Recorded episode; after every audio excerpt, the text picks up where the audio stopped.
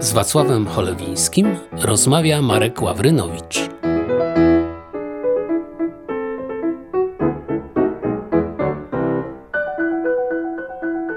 Dziś rozmawiamy z Wacławem Cholewińskim na temat jego książki Pogrom 1905. Szereg mam pytań do ciebie, Wacku. Po pierwsze, dlaczego ten temat? No jak wiesz, ja raczej staram się szukać historii, które są mało znane w twoich książkach, albo postaci, które są mało znane. I wydało mi się, że Polacy o 1905 roku wiedzą szalenie mało. Jeżeli wiedzą, no to jest hasłowo rewolucja i nic więcej. A o 1906 i 7 roku nie wiedzą już kompletnie nic. A wyprzedzam oczywiście Twoje pytanie. Ta książka będzie miała kontynuację i właśnie będzie o 906 i 7 roku też. Będą dwa tomy kolejne. W każdym razie, to hasłowo rzucane rewolucja to jest no jakaś część, może nawet najważniejsza historii tego czasu, ale oprócz tego przecież działy się rzeczy inne, mniej ważne, ale wzbudzające w tamtym czasie z całą pewnością ogromną ilość emocji. I takim wydarzeniem był pogrom Alfonsów czy Sutenerów w 1905 roku w maju w Warszawie. Wydarzenie, które wówczas zdominowało przynajmniej na krótki czas ówczesną prasę, a dziś jest kompletnie zapomniane. Natomiast sam pogrom Alfonsów, ja się przychylam do opinii części historyków, którzy twierdzą, że była to ewidentna prowokacja ochrany i na tym też zbudowałem scenariusz do mojej książki. Bo to jest właściwie powieść o mechanizmie prowokacji w jakimś sensie powieść o mechanizmie prowokacji, o tym, jak można jedne wydarzenia przykryć innymi wydarzeniami, jak można na plan pierwszy wyciągnąć wydarzenia mniej istotne, żeby coś tam zyskać. No ten mechanizm oczywiście jest znany w historii, natomiast służby mają to do siebie, że pewnych tajemnic nie zdradzają. I jak mówię, zakładam, że ten pogrom Alfonsów był dziełem ochrany, ale jednocześnie nie ma na to specjalnie dowodów, choć myślę, że najlepszym dowodem na to jest to, że kiedy władze chciały z tym skończyć, to skończyły w ciągu jednego czy dwóch dni, wyprowadzając wojsko na ulicę i natychmiast skończyły się te wydarzenia.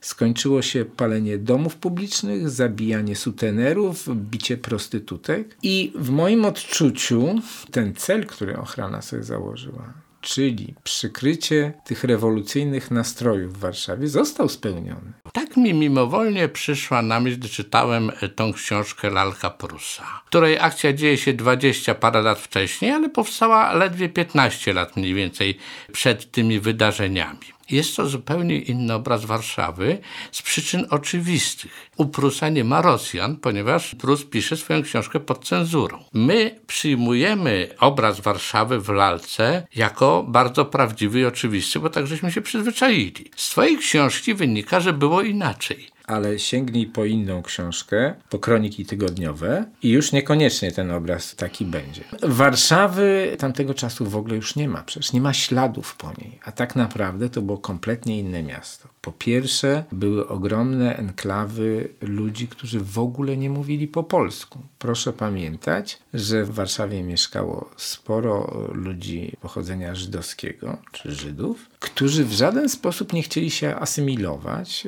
żyli w zamkniętych gettach, nie mówili po polsku. Drugą grupą narodowościową, bardzo liczną, byli Rosjanie, bo przecież cała administracja do niskiego szczebla, ogromny garnizon wojskowy, policja do szczebla stójkowego często, to byli Rosjanie.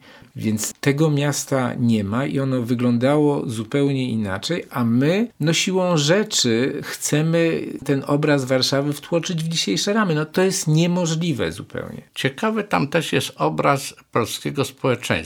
My jesteśmy przyzwyczajeni do obrazu społeczeństwa zbuntowanego, przystępującego do powstania i szlachetnie walczącego z wrogiem, a po przegranym powstaniu chodzącego w czerni na msze i ubolewającego nad losem ojczyzny. Ale chyba ten obraz tak naprawdę był troszkę inny. No on jest oczywiście nieprawdziwy, zmitologizowany. No, chcemy tak widzieć e, naszych przodków, jako tych, którzy ciągle z bronią w ręku walczyli o niepodległość. Po pierwsze, no, w e, żadnym społeczeństwie nie ma samych bohaterów. Większość ludzi po prostu chce żyć i to żyć spokojnie. Powtórę.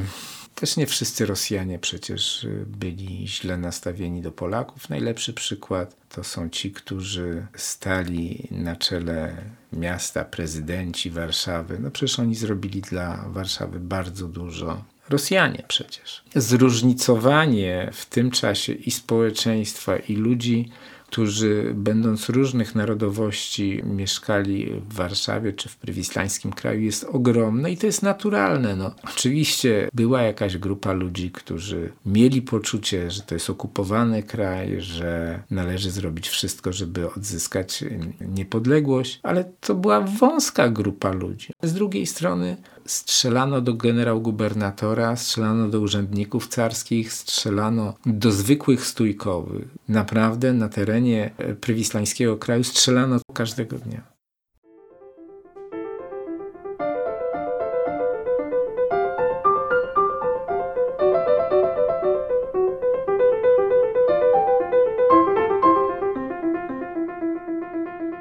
Moshe Goldschmidt, chociaż niewysoki, był osiłkiem. Taka prawda.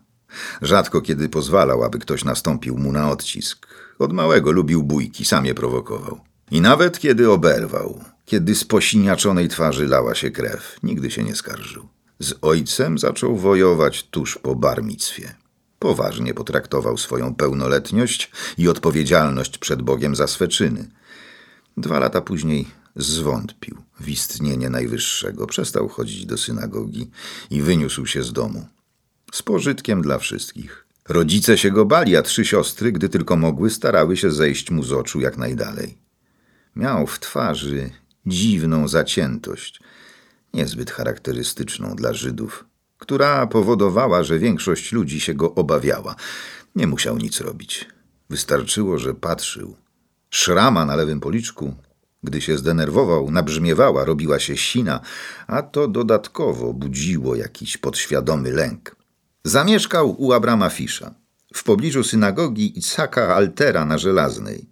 Fisz lubił takich jak on, młodych, hardych, gotowych okraść nawet najbiedniejszego, potem splunąć mu między oczy, a gdy trzeba było, to i nożem wywalczyć sobie przepustkę do lepszego świata. I nie był skąpy.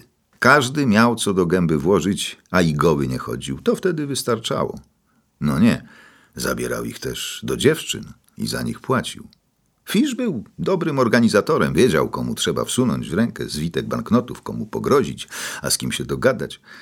Ale w dziewięćdziesiątym trzecim ktoś mu strzelił prosto w serce i wszystko się rozsypało. Lejzer i Majer trafili na katorgę. Szmula zadźgał jakiś Polak. Hersz zrobił karierę w mieście Łodzi. W 1905 roku dobiegał trzydziestki i żył jak król.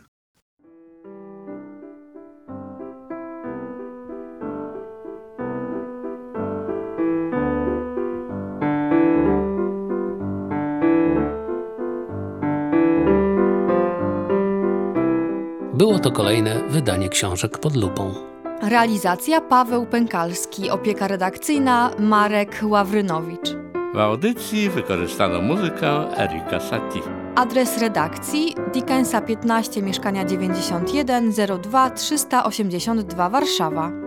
Strona internetowa www.książkipodlupą.pl Adres e-mail redakcja małpa książkipodlupą.pl Audycję nagrano w studiu Made for Music, strona internetowa madeformusic.pl. Audycja powstała pod patronatem Ośrodka Kultury Ochoty w Warszawie. Do usłyszenia!